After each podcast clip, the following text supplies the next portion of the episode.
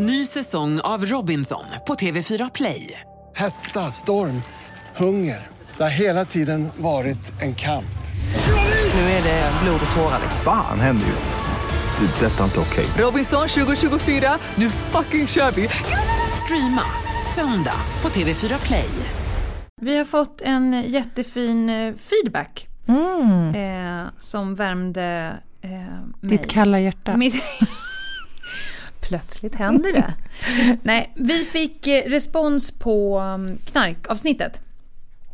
Eh, jag läser upp det rakt upp Ja, men vad spännande. Som förälder är man ju hysteriskt rädd för att barnen ska testa knark. Och hur sjutton pratar man med dem utan att det blir värsta skrämselpropagandan? Idag kom det till mig. Ni får sköta snacket. När de blir tonåringar låter jag dem helt enkelt lyssna på ert poddavsnitt rörande ämnet. Det blir liksom klart som korvspad att knark är knas när man får till sig era upplysande och hysteriskt tragikomiska anekdoter. För vem 17 vill riskera att bli inrullad i en dammig persisk matta eller snorta typ bajs? Det jag egentligen försöker säga är grym podd och lyckad kombo av allvar och humor. Jag kommer helt klart att fortsätta lyssna. Ja, vad fint. Vad glad man blir. Ja men det blir man ju. Otroligt fint. Tack för den eh, meddelandet på Instagram. Ja. Någon har varit inne på vårt Instagramkonto helt enkelt och skrivit meddelande. Ja, och vi, vi kan ju nämna det, vi läser ju allt. Vi läser allt. Mm, Och, och vi- faktiskt svarar på allt. Ja, Mm. vi är också väldigt, väldigt tacksamma för den feedback vi får. Mm. Och tar gärna emot både positiv och negativ sån.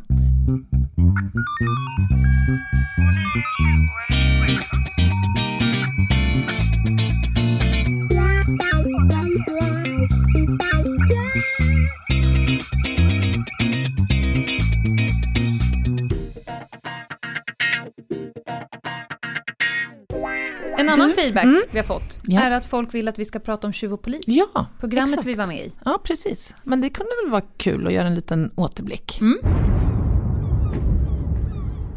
Och vi inväntar beslut om husrannsakan då. Ja. Jag ber dig kliva ur bilen. Vad är väskorna? Det här är bara. Bredvid hennes hus ligger en gul fastighet med svart tak. Har du uppfattat? Fyra miljoner. Perfekt. Det står att det ska finnas märkt DNA på den. Och med maskering ordentligt. Här i sommaridyllen Askersund ska en kupp strax genomföras och en fullskalig polisutredning dras igång.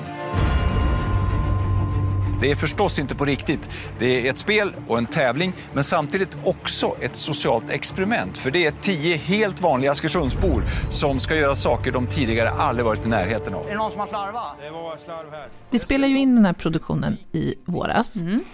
Vi var ju lite tveksamma, vet jag, både du och jag, att vara med eh, i den. Eh, och för min del så handlar det om det här med... Ah, jag var lite tveksam till om det var dels vettigt att visa upp en del polisiära metoder och sådär. Och dels om det var görbart. Att, som jag då som var kriminaltekniker i serien, skulle kunna liksom bidra på ett ja, trovärdigt sätt.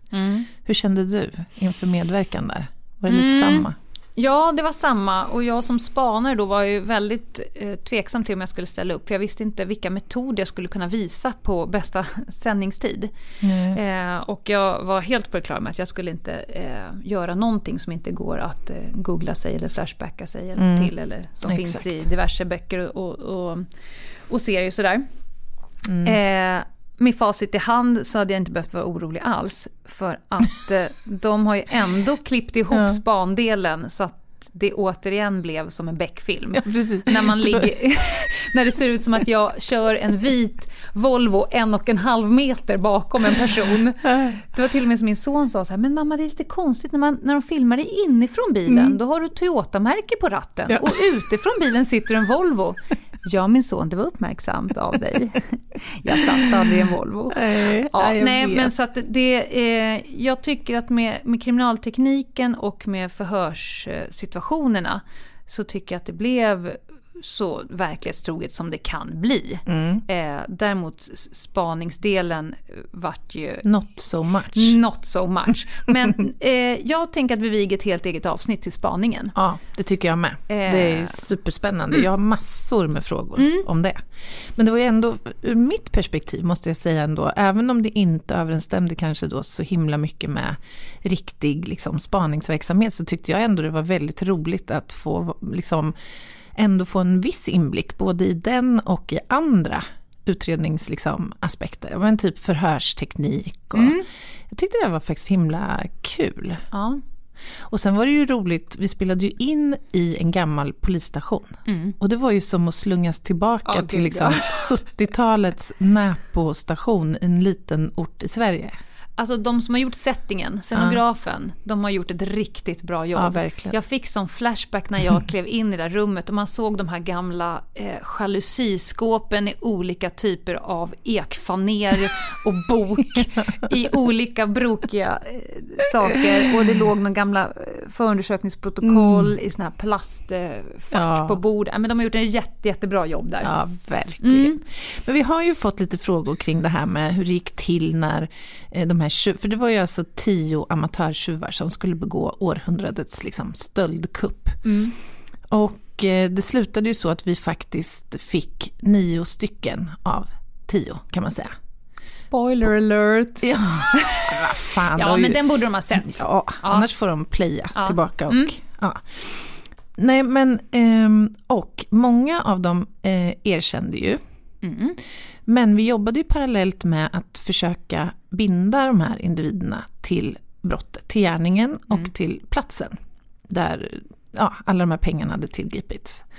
Och då använde vi ju från kriminalteknisk sida då oss av eh, DNA-analyser bland annat. Och, och då kan man ju fundera på så här, men de hade ju skyddskläder och handskar och mössor och allt Mm. möjligt och ändå så kunde vi säkra spår inne på platsen som vi sen kunde Mm. knyta till de här tjuvarna.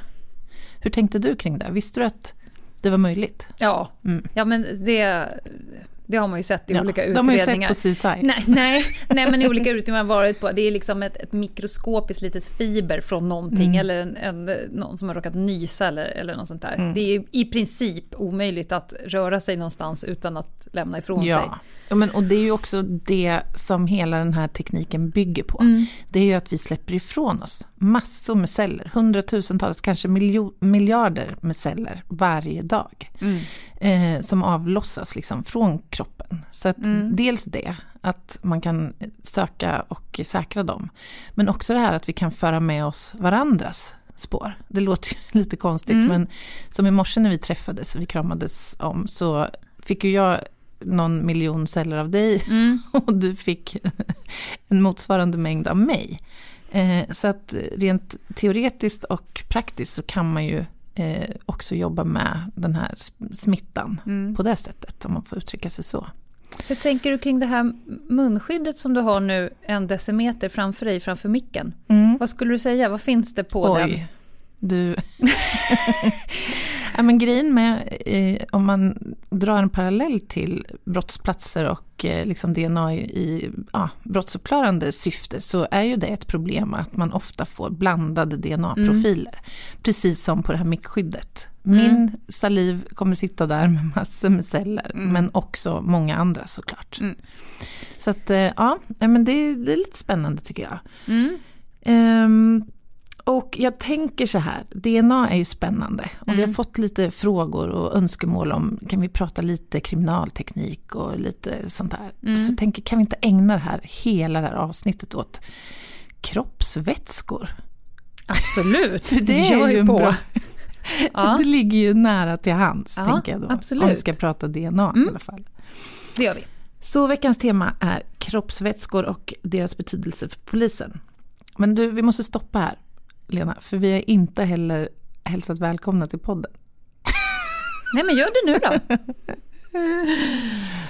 Välkomna till krimpoddarnas krimpodd Över min döda kropp med mig, Anna Inged och Lena Ljungdahl. Snyggt, då gjorde vi det också.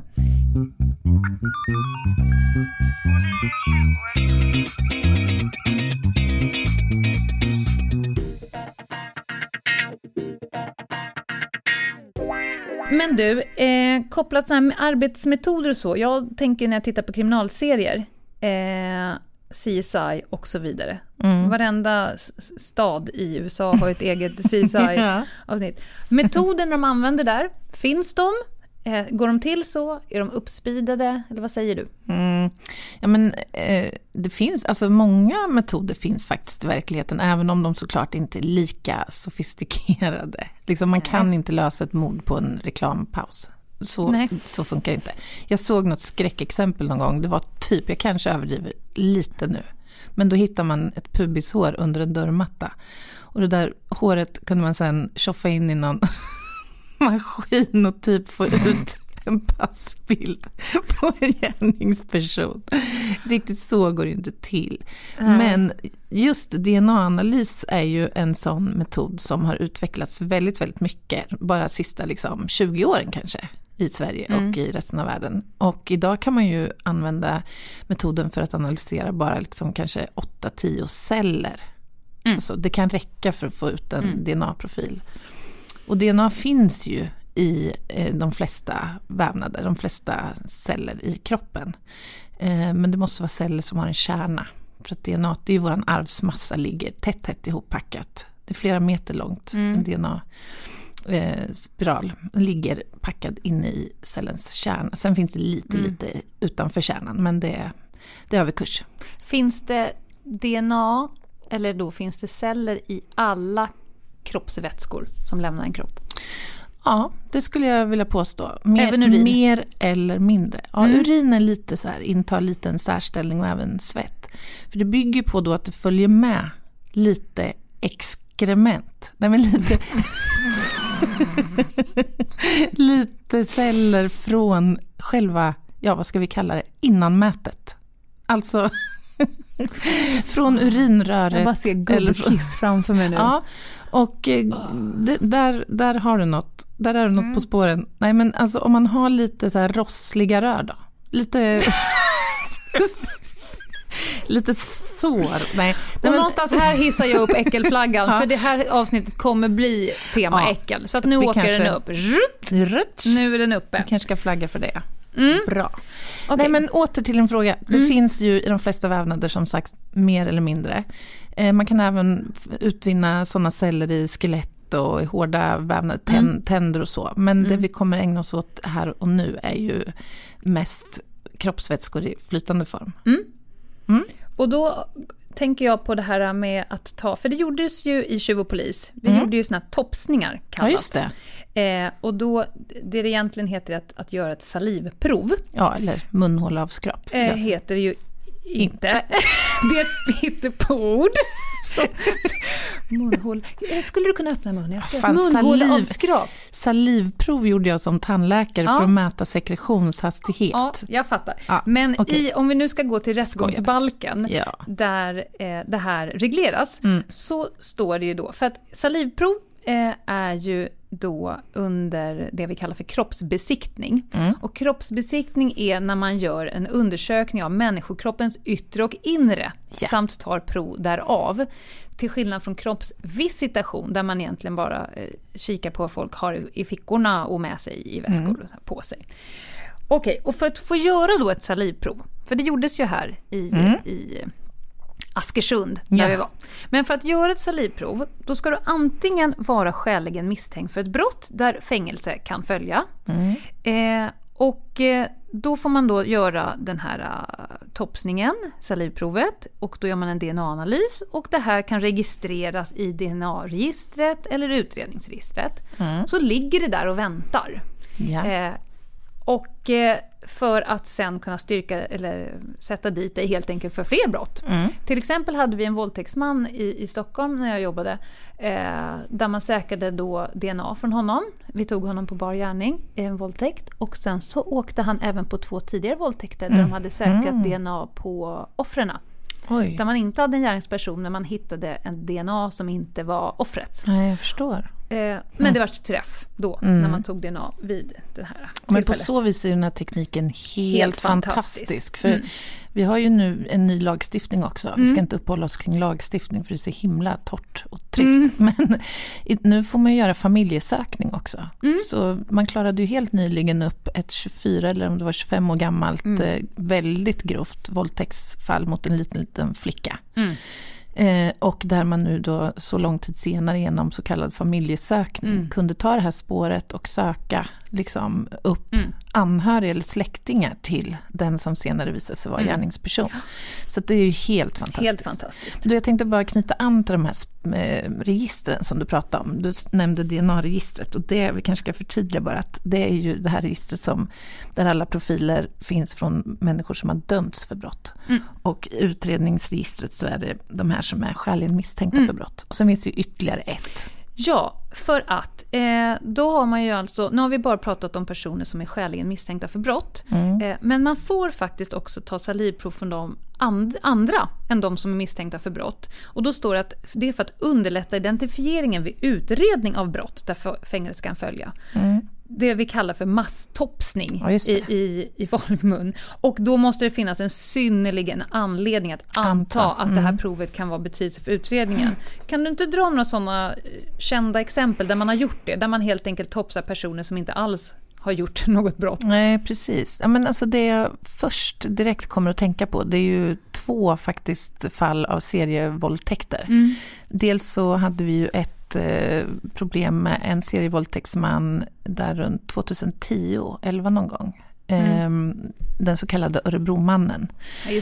Eh, och samtidigt så, eller samtidigt, men sen också det jag tänker på är ju Hagamannen i Umeå. Umeå, ja. mm. Mm. Och där vet jag att det 777 eh, provet, Mm. eller analysen man gjorde, blev det ju träff på. Mm. Eh, och det var ju den som sedermera dömdes för det här brottet. Och eh, ja, det man gör förenklat det är ju att man helt enkelt kallar in, i det här fallet då män i en viss åldersgrupp som stämmer utifrån den profil man har arbetat fram. Nej. Och så får man ta ett sånt här eh, salivprov från de här personerna. Och om man motsätter sig det här så kan ju det i sig vara liksom lite suspekt. Mm. De allra flesta har ju liksom Ja. inga problem, de vill ju hjälpa Nej. till i, i ett sånt här grovt eh, brott. Och då ska man ju säga att de proverna som tas från personer som inte är skäligen misstänkta, Mm. de proverna får inte matchas mot de här uh, Nej, utredningsregistren. de kommer inte liksom eh, förvaras Nej. i register. De får bara användas för det specifika brottet Ja. som var anledningen till att man Exakt. egentligen bara vill avfärda dem från utredningen. Ja, och det finns ju ytterligare ett register, det så kallade spårregistret. Mm. Och det är där man lägger in alla de här spåren som man säkrar då på brottsplatser och så. Men som man inte har kunnat binda till en person. Ska vi prata lite om blod? Ja, blod är kul. Det, där, där vaknar du till direkt. Ja. Nej men blod är ju en annan sån här eh, kroppsvätska då som är värdefull ur kriminalteknisk synpunkt såklart. Mm. Man kan utläsa ganska mycket av blod och det är också en teknik eh, som är, den är inte jättegammal eh, egentligen, utan, men har utvecklats väldigt, väldigt mycket på senare år. Och då brukar man prata om något som kallas för blodbildsanalys. Mm. Och det kan man göra då på en brottsplats för att försöka förstå hur eh, blodbilder har uppkommit och i vilken ordningsföljd olika blodspår har uppkommit. Eh, och den här principen den utgår från klassiska fysikaliska principer Mm. om tyngdkraft Mm. och en vätskas eh, eller blodets viskositet, alltså tröghetsgrad och sådär. Eh, Så då kan man utläsa ganska mycket. Man kan till exempel säga om ett blodspår har uppkommit genom en energiöverföring, Mm. till exempel stänk. Mm. Det är väl det här klass- våldsbrott. Mm. Ja men exakt. Och du har kanske sett på CSI när de drar såna här massa snören Exakt. från en punkt Mm. Och ut i ett rum till Mm. exempel. Och det är ju för att förstå var källan har varit och var energin har liksom Mm. Och uppstått. hastighet. Ja, precis. Storleken på stänken Mm. kan säga oss någonting om, ehm, om energi eller om kraften. Mm. Ja, och sen finns det ju, det finns massa, och det, alltså det här är en hel vetenskap. Man kan också titta på olika blodspår som har uppkommit eller tillsatts eh, utan eh, kraft, bara med hjälp av gravitation. Alltså så kallade passiva blodbilder, Mm. till exempel dropp Ja. från en källa. Och sen finns det kontaktspår.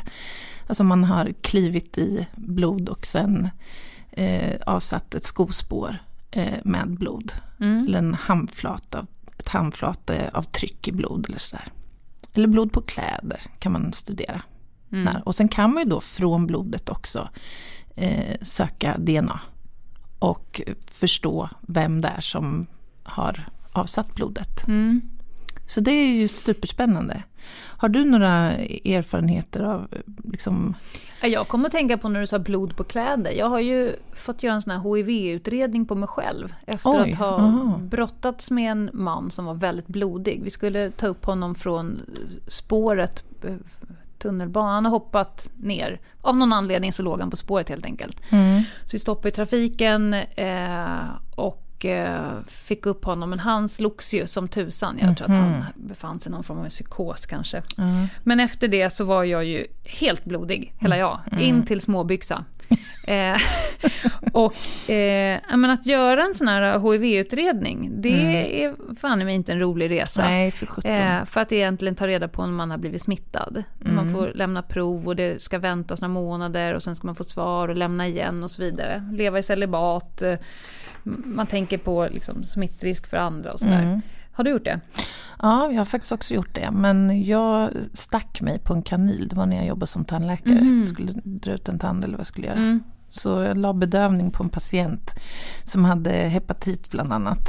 Eh, och, eh, och det kan ju också vara så här att personen själv inte vet om att man är smittad heller. Nej. För den delen. Så även om man, i alla fall i sjukvården, om man sticker sig så ska man ju Mm. följa upp. Mm. Men jag håller med, alltså det sätter ju igång vissa tankeprocesser. Ju. Sen Även är, en liten risk. Alltså det är en oerhört liten risk ju. Eh, att bli smittad av både HIV och eh, olika former av hepatit. Men ändå, man behöver ju såklart följa upp det. Man vill kolla. inte gå och fundera. Nej, man Nej, vill inte nej. det. Jaha, eh, jag tänkte på en sak det här med, vi, vi pratar ju mycket om eh, besudlingar och kroppsvätskor på brottsplatser och sådär. Mm. Det finns ju en aspekt av det här och särskilt i relation till de här CSI och olika kriminalserier som vi pratade om. Mm. Och det, det är det här som kallas för CSI-effekten eller CSI-syndromet. Har du Mm. hört talas om det? Mm. Och du har det? Ja, li, alltså ja, ja, för, för att det har blivit någon, någon grej att det krävs DNA för att Ja. det ska bli en fällande dom. Nu gör det inte det, men, men jag tycker att den här fina starka indiciekedjan där allting pekar på en sak. Så, ah, Mm. nej men det finns inte DNA. Mm. Lite så, är det det du menar med Ja, syndromet? Exakt. Alltså det handlar ju om det här att alla människor, eller alla, jag är ju, tillhör ju undantaget, men många människor tittar ju på de här serierna. Mm. Och det gör ju även nämndemän och domare och andra Mm. som har att liksom, ja, sen ta ställning till bevis Mm. i domstol. Och då finns en uppfattning, eller en farhåga kanske man ska säga, att, att det liksom också ökar en förväntan om att det alltid liksom finns DNA-bevisning och så här Mm. riktig ultrahård solid bevisning. Mm. Och att man då kanske tillskriver andra former av bevisning mindre värde. Mm. Jag vet inte, det, det är ju olyckligt om det är så. För att visst, i många fall finns det riktigt bra forensisk bevisning Mm. men inte alltid ju. Men härstammar det från vetskapen i att det är väldigt svårt att befinna sig på en plats utan att lämna efter sig spår? Är det det de, de hänger upp sig på? Alltså kanske att det är så, att det Mm. har viss betydelse. Men jag tror att det också handlar, alltså man luras av eh, liksom tv, alltså vad ska jag säga, fiktiva Mm. historier om eh, grova Mm. brott och hur man arbetar med dem. Så att ja, man fäster sån tilltro liksom till tv på något vis. Det är alltså media. Så att man tror att liksom, ja. Ja. men det här funkar väl i verkligheten. Men ja, jag, jag- vet inte. Jag tror ju kanske inte att man är så bevandrad i det här med eh, att man avsätter spår på Nej. en plats och hur det sker. För, Mm. för att jag, alltså jag vill ju påstå att det finns spår på varenda brottsplats. Men det är ju en sak för det första att hitta spåren. Mm. Och en annan att säk- kunna säkra Mm. de här spåren. Och en tredje att kunna analysera dem. Exakt, för menar- maskinerna har faktiskt begränsningar också. Ja, men så är det ju. Mm. Och när det gäller DNA så, ja, men så handlar det ju ofta om att få DNA från flera olika individer. Och då måste man också kunna visa eh, vem som avsatt vad och hur och när. Mm. Du, ehm, vi har ju fler kroppsvätskor. Ja, vilken kommer vi till nu? Alltså jag är... nu höll jag på att säga att jag är lite sugen på sperma, men det menar jag inte.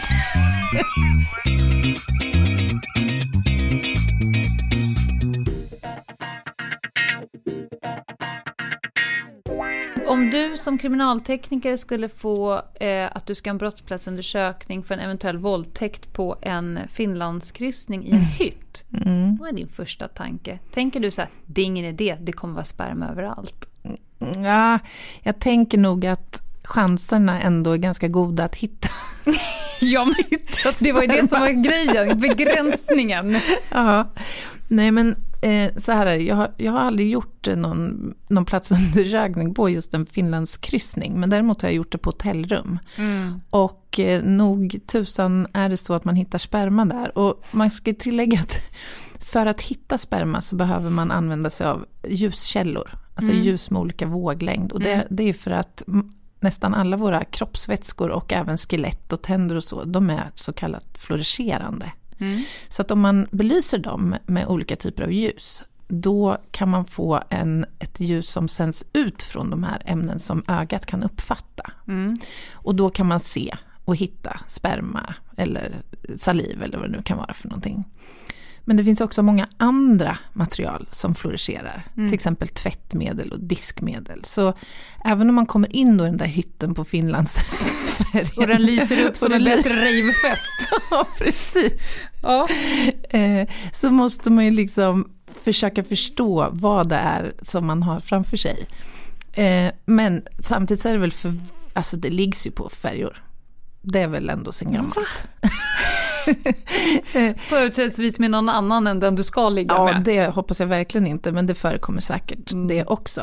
Nej men det gäller ju då, det jag vill komma fram till är ju att det handlar ju då om att försöka hitta den aktuella besudlingen. Alltså även, även om man tar prov från Ja. det som man tror är sperma, så måste man ju sen liksom jobba vidare med det spåret. Ja. Försöka förstå vem har lämnat sin sperma här?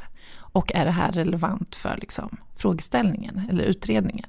Hur länge lever sperman i forensisk, alltså hur länge har du nytta av sperman? Man brukar- DNA. Ja, alltså man brukar ju säga när det gäller våldtäktsoffer till exempel att det kan finnas anledning att gå iväg och låta sig undersökas kanske en vecka. Okej. Ibland ännu längre efter själva händelsen för Okej. att det fortfarande kan finnas eh, spermier vid liv så att säga. Men, men det är ju också så här att även om man hittar sperma så måste man komma ihåg att det är inte säkert att det finns Eh, alltså, eller även om man säkrar sädesvätska ska jag Mm. säga, så är det inte säkert att det finns liksom, eh, DNA-material i det. Eh, så att det är liksom två olika saker. Kan, det är inte säkert att man kan spåra till en Nej. person bara för att man hittar sädesvätska. Nej.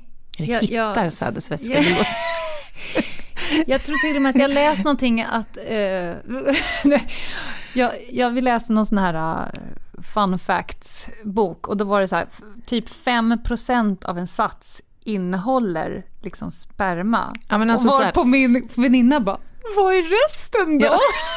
Hon blir besviken. Nej, men alltså en Mer sats, äcklad kanske?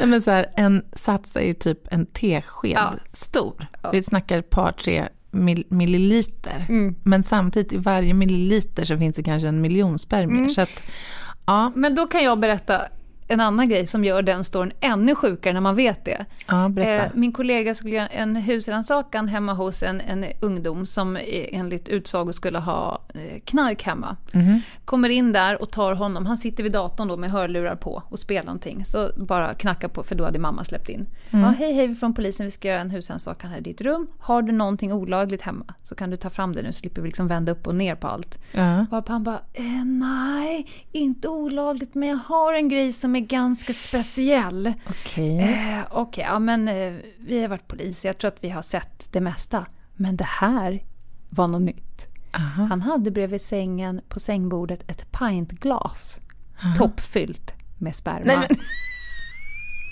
Och när du då säger att det är väldigt, väldigt lite. Ja, du kan ju tänka dig Då har själv. pojken jobbat, han Men ville bara se hur lång hjärtat. tid det tog att, att fylla upp den. Men Jag frågade inte mer, eller min kollega bara här, nej. Då tar vi, vart är haschet? vi behöver ha någonting som vi kan hantera nu. ja. Nej, men det var kanske nog på sperma. Ja. Men du, jag kom på en till sak på spott. Mm. Den här spotthuvan. Mm. Fick du ut den när du var polis? Nej, ha, använder svensk polis det nu? Så jag vet att den delas ut, eh, men jag vet inte någon som använt den. Är, jag får ju så lite Guantanamo-vibb Vibb, ja. när man ska dra en huvud över ansiktet på människor. Å andra sidan har jag ganska eh, handlingskraftigt försökt undvika spottsalvorna Mm. som kommer ut ur en människa som gör allt i sin makt för att dränka en i, i slemkvarnen. Mm. Eh, så, så, men jag har aldrig använt den. Men, Nej, men nej precis. Och det är en sån här, för du tänker på den här som man, man kan sätta på, eller trä över huvudet Exakt. på liksom gripna. Ja, så att spottet exempel. inte helt Ja. enkelt kommer eh, lämna Som spottar och fräser. Exakt. Men däremot har jag fått spott på mig. Mm, I Eh, tjänsten. Ja, och det är ett jävla otyg, om jag får säga det själv. Ja. eh, och, och då är det ju så att det är ett brott, det är ju förgripelse mot tjänsteman. Mm. Eh, däremot så är det väldigt sällan polisen får rätt till skadestånd. Ja, jag har förstått att det är så. För att man anses att man ska ha en mentalt förberedelse för den kränkning som det innebär att bli spottad på. Det är fortfarande ett brott, men, men du får liksom hacka i dig bara. Så att du, får, du får inte ett skadestånd för det. Nej, okej. Eh, Men vad då? Man förväntar, alltså, Ja, exakt. Och då är det kopplat till vad du gör. Så att eh, om du håller på att brotta ner en person så ska du mentalt veta att den här personen kommer inte tycka om det. Och kommer därav kanske försöka ge dig feedback på din våldsanvändning. direkt omedelbart.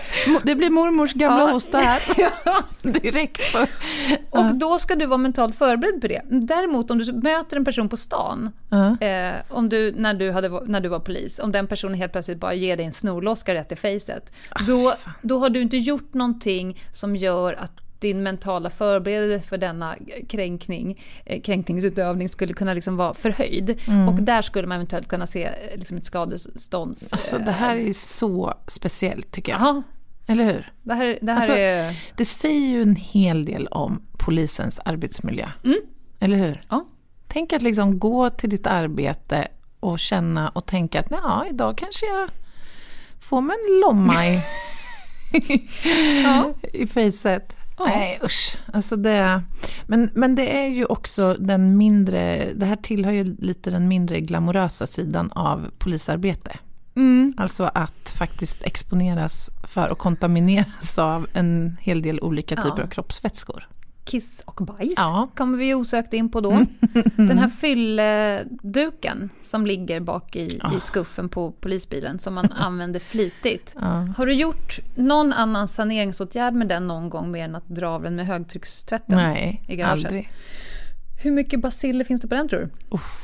Jag vill inte ens tänka på det. Det man gör är helt enkelt om man ska föra in en person eller skjutsa en person eh, som är skitig eller som man tänker den här personen kommer kissa, bajsa eller redan har gjort Eller det eller kommer kräkas eller. Då Mm. fäller man ut den här filten som är liksom lite gummerad på ena sidan och lite eh, friktionsfull på andra sidan Mm. i sätet.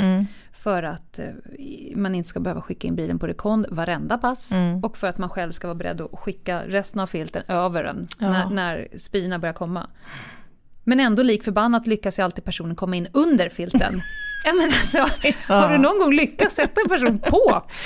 Den är svår. Ja, den, den, är, Mm. den är svår. Jag kommer att tänka på en liten, den är faktiskt lite gullig den historien. Vi, vi skulle köra in en nerkissad farbror Mm. eh, på en LOB, alltså lagen om omhändertagande av brusad Mm. person. Och han var ju känd för oss och det här var tidigt under min eh, polisiära karriär. Mm.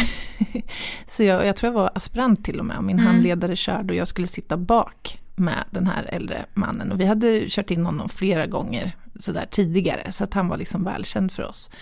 Men han var alltid lite knorrig liksom, när, när vi ville köra in honom. Det är ju en vårdåtgärd ska vi säga. Så det är ju för hans eget bästa. Eh, För att han var alldeles för berusad helt enkelt. Men han får inte välja själv. Han får inte välja själv. Nej. Ja, men så han var lite sådär, man vill inte in i arrest, måste in, ja, sådär, lite tjafsigt först. Men ja, han, han eh, fann sig till rätta där på gråa skinket i alla fall och jag satt där och chitchattade med honom. Och så rätt som det är så ser jag han sitter och studerar mig från topp till tå. Han tittar länge och väl och så säger han, fan vad snygg du är. Vad, vad, jo, vad jobbar du med för något? Jag är bibliotekarie. Och där sitter jag i polisuniform.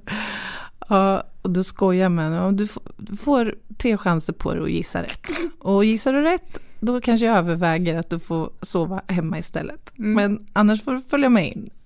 Och han funderar, funderar. Är, är du flygvärdinna? Så gulligt. Ja, men vi, han fick komma in och vi bytte kläder på honom. För det Ja. har man ju också fått göra några gånger. Ja. Liksom, klä av, Ja. ta av nedkissat och Mm. försöka skapa någon slags värdighet i det hela. Som, eh, som lärare på Polishögskolan så försökte jag ganska tidigt lära de blivande aspiranterna att när du vill ta av dig din handske så är inte rätt arbetsmetod att bita på toppen Nej, av, av liksom långfingret för att liksom dra loss den. De är ganska svåra att få av. Men så att där vill du inte vara med din mun. Nej. För de där handskarna kommer att hantera inte så göra fruktansvärt mycket äckel. test på de där handskarna. Nej, nej. Fy fasen. Och överhuvudtaget polisuniformer Ja, nej. som bärs runt. Alltså, jag vet ju att man tvättar ju inte efter varje pass. Nej, och du kan ju tänka inte. dig själv, det är ju liksom veckans händelser i textilen där. Mm. Av samtliga. Gårdagens Typ. rester menar du?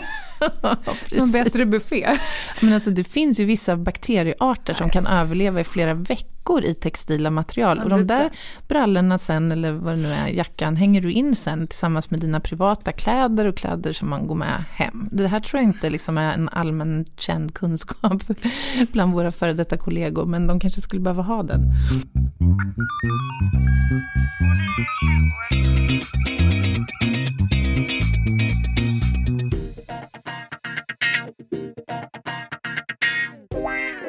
Jag upplevde att när jag jobbade så kunde det, det, det kunde kräkas och kissas och bajsas och spottas och så vidare. Bekom inte särskilt mycket. Det var liksom äckligt men, men det bekom inte så mycket. Nej. När jag slutade mitt arbetspass, åkte hem, eh, tog kanske en dusch, kändes ju som en rimlig liksom, åtgärd efter ett arbetspass. Eh, och kanske hoppa på tunnelbanan. Eh, Om någon då, eh, full ungdom, typ kräks, inte ens på mig utan blir då, mycket mer äcklad. Bara för att jag inte är i tjänst. Det är Ja, som att den intressant. mentala beredskapen bara, Ja, nu precis. ska jag inte behöva hantera Nej, det här äcklet och därmed är jag inte riktigt beredd på det. Och det sipprar liksom längre in i själen. Mm, jag förstår. Ja, men uniformen fyller ju en jätteviktig funktion på det sättet. Mm. Bara, alltså den fysiska uniformen också. För att Mm. det blir ju signalen till en att nu är du i tjänst, nu ska du arbeta och nu förväntas du att hantera stort och smått så att säga. Hade du några tics för dig förresten? Det En fråga kom på. När du påbörjade ett pass, gjorde du någonting för att liksom Ja. sätta dig i work mode? Ja, jag fattar. Nej men, eh, ja naturligtvis stridskissa. Mm. Det var man ju tvungen att göra. TTT, töm, task och tarm. Ja, Mm. man fick ju lära sig där lite den hårda vägen. Mm. Alltså att om du inte klämmer ut några Ja. droppar innan du sticker ut så kan du ge dig fan på Mm. att du kommer hamna i en situation där du inte kommer ha möjlighet att gå på Det toaletten. var dagens på. sista chans. Exakt. Själv då? Ja, men välkommen till spaningsverksamheten. Ja, herregud. Säger jag. Du ska åka tur och tur till Malmö efter en person som kör i 250 ryck. Ja, alltså det där har jag tänkt på en del. Ja. Hur ni fixar det där många långa timmar utan att kunna... Ja, eller sitta i skuffen på en, innehåll. en bil eh, och eh, hålla koll på en port. Nej, men jag skulle säga så här, mina manliga kollegor hade väl kanske lite lättare där. För det har nog kissats en del i petflaskor och så vidare i bilen. Mm. Eh, själv har jag ju haft liksom värk i ljumskarna upp. Ah. I, det känns som att njurarna håller på att uh, gå åt. Mm. Eh, kan ju inte vara hälsosamt. Nej, nej det, och man ser liksom fiskarna guppa omkring framför ögonen på en. Jag, jag kommer ihåg ett, ett tillfälle som inte alls blev bra. Vi skulle åka då just tur, kanske Malmö, tur och tur. Jag var tvungen att både tanka och tömma blåsan. Eh, och jag insåg att jag kanske kan göra ett depåstopp på en minut. Eh, så att jag svänger in på en sån här mack som är på och av eh, E4 snabbt. Ja, just det. Eh, kastar upp dörren, i med slangen, tankar, ner med brallorna, kissar mellan tanken och eh, bilen helt enkelt i, i skydd av en, för en passagerardörr. Eh, ur, tänker jag, nu kniper jag strålen, av med slangen och så börjar jag köra igen. Jag klarar mig kanske ett par mil till här nu. Eh, i hoppning, förhoppning att någon annan spanare kommer ikapp. Sen insåg jag att när jag åkte att det här är ju en smitning. Det är ju bedrägligt beteende. Så att jag ringer till macken bara för att säga så här. Hej, hej, jag heter Lena, jag jobbar som polis. Jag har precis tankat hos er. Eh, jag kommer komma tillbaka och göra rätt för mig. Mm. Och då hör jag hur någon bara, jag hör leendet. Så bara, ja. Eh, när vi har såna här som, som snor bensin, då brukar vi gå in på kamerorna och titta på registrering... Registreringsnumret för att kunna liksom göra en polisanmälan. Ja. ja. Du, det kommer en kollega till mig här och betalar om några Och på timmar. filmen såg vi även ett kritvitt Arsle. damarsel. Nej, men så, nöden har ingen lag. Eller har den det förresten? Nöden har ingen lag. Får Ja. du kissa ute? Nej, det får man inte. Eller det får man väl på vissa ställen. Ja. Men det där är väl reglerat i lokala ordningsföreskrifter va? Det som avgör är om det kan väcka förargelse hos någon som ser på. Mm. Så att du ska nog inte ställa dig mitt på, på stadens torg och hålla fram och kissa. och inte heller kissa på polishus. För det har jag Nej. varit med om. Behövde inte ens åka ut med valt. bilen och Nej. bara var Öppna bara att leda, leda in på en lobb. Vi har ju fått eh, lite lyssnarfrågor i veckan. Kul. Ska vi köra en lyssnarfråga? Ja, kör.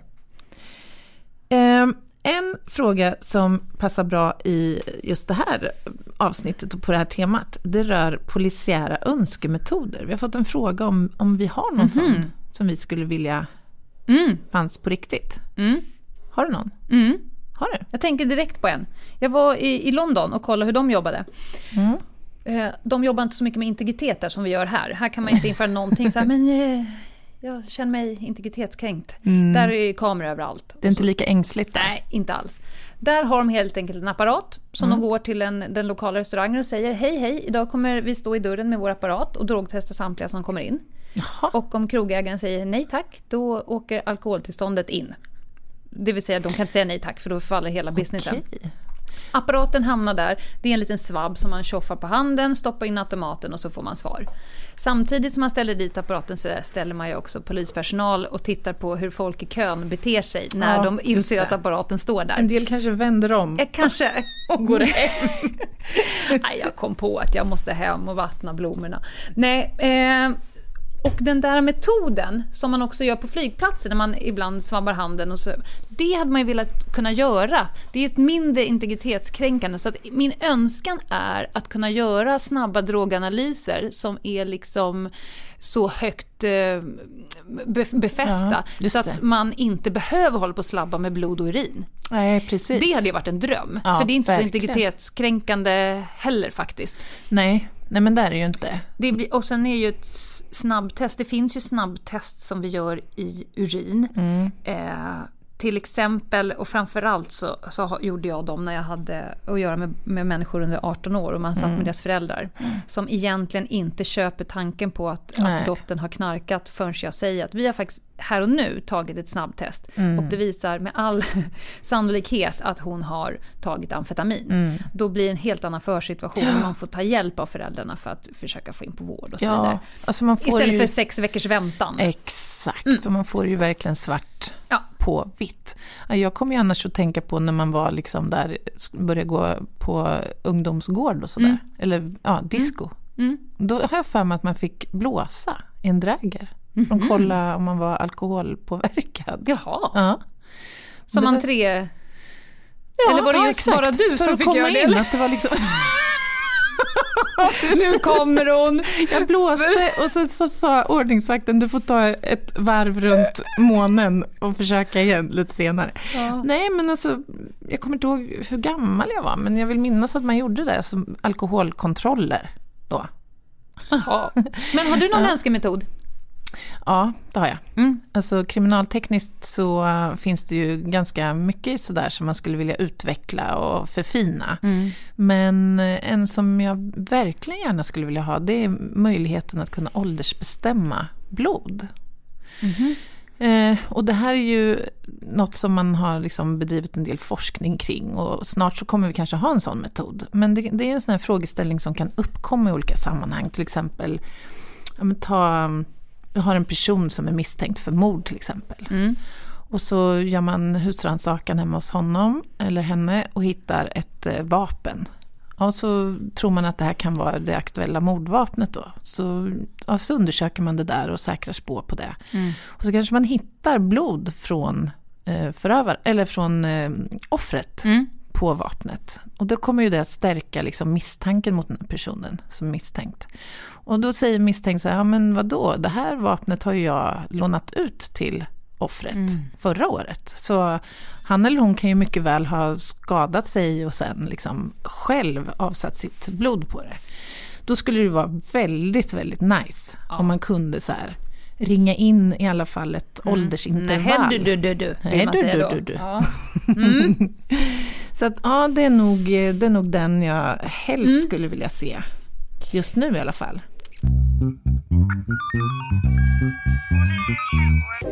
Jag, jag har faktiskt en grej som jag skulle vilja avsluta med om inte du har något mer.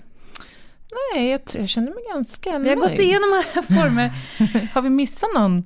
Nej men alltså har, jag har en grej som jag skulle vilja avsluta med. Det Ah, finns spännande. alltså en, en, en kompis till mig, för detta kollega då, då Ja. eh, som fick eh, ett nytt namn. Mm. Eh, hon blev Fröken Sekret. Ursäkta. Mm. För att hon gjorde eh, The Great Five. Och det är när man får kiss, bajs, blod, kräks och sperma. Och det gills bara om man får på bar hud. Nu kommer vi in till det sjukt. Vi är ju ett sjukt släkte. Bara för att kunna hantera det här. Jag älskar att du också betonar att det gills bara. Ja, ja men annars, annars så kommer ju alla göra en the, the Great Five. Du menar att annars så kvalificerar Nej, man inte nej. för the, the Great Five Nej, Rewards? Ja, som Ja. är namnet Fröken Sekreta. Ja, jag fattar. Mm. Ja. Eh, nej, och, och sen här fanns det också en bonus som slidsekret. Ja. Den är inte lika vanlig. skulle jag säga. Ja. Så att jag kommer köra bara en snabb recap hur de här fem, sex tillfällena gick till. Alltså du har researchat Ja, det här jag har inför researchat. dagens avsnitt? Jag har gjort en sammanfattning på fem av dem och den sjätte kommer jag läsa upp ordagrant för att den, den, den går inte att återberätta på annat sätt. Blod. Alltså nu pratar vi om att hon har fått de här grejerna, kroppsvätskan, på sin bara hud. Mm. Blod, då var det hjärtstopp eh, på en person inne i arresten. En akut störtblödning, det är när det liksom forsar ut blod ur kroppen, oftast efter långvarig eh, alkoholkonsumtion kanske. Mm. Eh, Så hon står och försöker rädda livet på den här mannen, hjärt och lungräddning samt som blodet forsar. Halkar, drattar på arslet i allt det här blodet. Eh, och det sipprar ju då in, så att blod längs hela bak, Mm. den bakre regionen av henne. Men gud, alltså, jag tänker mitt i den situationen när Ja. man försöker rädda liv, då är det, ju, Mm. det är ju minst, alltså det är ju Mm. sekundärt. Ja. Men efteråt, att Ja. inse det här. Ja. Ja. Och det här, hon fick ju reda på liksom vad det var för fel på honom. För, för det, om någon dör i arrest så blir allt intern utredning, Mm, alltid. alltid. Mm. Eh, Kiss, eh, då var det en man med amputerade ben Mhm. i permobil. Han var aldrig liksom elak och sådär, men han var alltid ohyggligt full.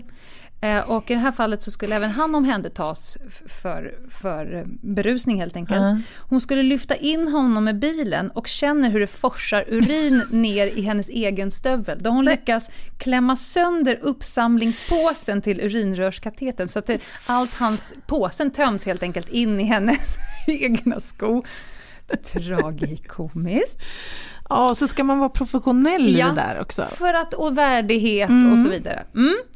Bajs, då var de hemma hos ett, ett, ett par eh, där det handlade om grov kvinnofridskränkning. Mannen skulle Mm. gripas för, för brott. Mm. Eh, den här eh, polisen hade, satte på sig sina handskar för det var väldigt eh, misärt där Mm. inne. Var på kvinnan fick en, en panikångestattack för att han, tydligen misshandlade han alltid henne med handskar på sig. Så att kvinnan fick liksom panik när, när Mm. eh, polisen satte på sig handskar. Så hon tog helt enkelt av sig handskarna av respekt. Och Mm. så skulle hon gå och hämta eh, kvinnans jacka på en stol. Och när hon lyfter jackan så trycker hon in alla tio fingrar i en stor bajshög som ligger på Nej, stolen. gud. Check på bajs. Vi går vidare till kräks. Mm. Eh, då var de bara helt enkelt utanför en, en eh, vanlig restaurang på Södermalm. Och det står en väldigt lång, en lång kille i kön utanför. Och eh, hon sa så här, han kunde bara prata med vokaler. Då förstår vi jag liksom berusningsgraden. Mm. Så. Lutar sig, hon är ganska kort, lutar sig och kräks, spritkräks, ner på ryggen innanför hennes regnjacka. Så det rinner ner längs de två ryggfiléerna ner mellan skinkorna. Varpå hela kön applåderade. Ah. Det var den fjärde. Nummer fem, sperma. Då ringer kyrkoherden från Katarina kyrka och säger att en man har låst in sig på handikapptoan och de åker dit och ska tvångsöppna dörren. Där ser de då en känd, för dem känd person med för dem känt modus. Han ligger helt enkelt och runkar i en damstövel av skinn. vilket det var liksom ett fan, känt mode. Hervo. I det här fallet, citat, det var tyvärr lite för mjukt skinn. Så när hon nyper ihop skaftet och ska bära den med sig så rinner sperman ner längs Alltså vi pratar om stöveln nu. Stöveln hade för mjukt skinn. Ja, jag inte... Du pratar om skinn och skaft och grejer, jag inte vet jag. Okej, Nej! Stöveln. Fokus! Ja, Hon nyper ihop stövelskaftet för att ta med sig damstövel eftersom han ska ju därifrån. Ja. Och då rinner sperman ner längs hennes ärm. Piké Alltså- är alltid bra. Och nu kommer då den sista. Jag måste läsa ordagrant. Eh, sli, slidsekretet.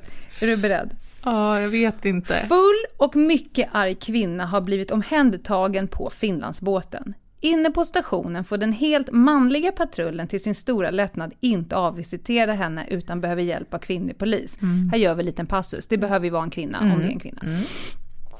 Jag råkar befinna mig i närheten så jag hjälper till. När jag förklarar att hon inte får ha sina kläder på sig i cellen, det vill säga klänning och stilettstövlar, utan att hon måste byta till andra, går hon bärsärk. Hon sliter av sig alla kläder utom sina stövlar, slåss och gastar spritt språngande naken. Herrarna sitter bakom en plexiglasskiva och skriver blanketter för att registrera henne. Hon är både stor och stark och jag gör någon slags flyg, flygtackling på henne när hon börjar sparkas och trycker upp henne mot plexiglaset. Skräcken i herrarnas ögon. Från deras sida måste det ha sett ut som två stora hudfärgade LP-skivor framför dem. Snabbt kommer en annan kvinnlig kollega springande och tillsammans lyckas vi brotta ner kvinnan på golvet. Hon vevar med benen i både split och spagat och från där jag försöker få fatt på hennes ben får jag högst ofrivilligt flera raka siktlinjer hela vägen rakt in i tabernaklet. Till- slut lyckas jag få ett benlås på henne utan att bli spetsad av hennes vilt vevande stilettklackar. När bataljen är över och pustar ut undrar kollegan vad det är för märkliga och glittriga och klibbiga snigelspår jag har längs ena låret.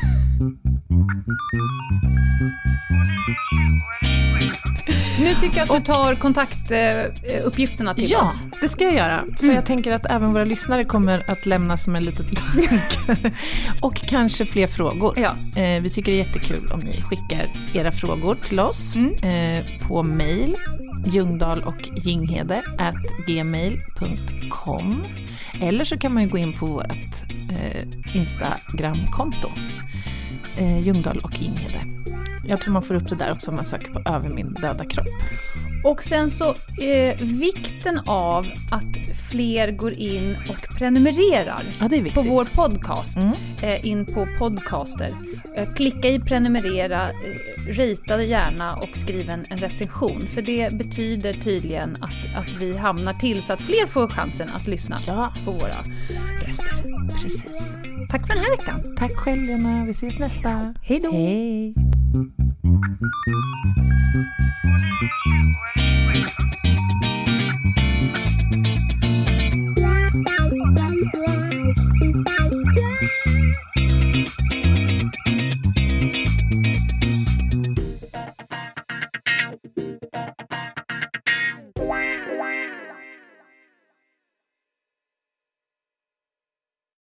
Ny säsong av Robinson på TV4 Play. Hetta, storm, hunger. Det har hela tiden varit en kamp. Nu är det blod och tårar. Fan händer just nu. Det. är Detta är inte okej. Robinson 2024, nu fucking kör vi! Streama söndag på TV4 Play.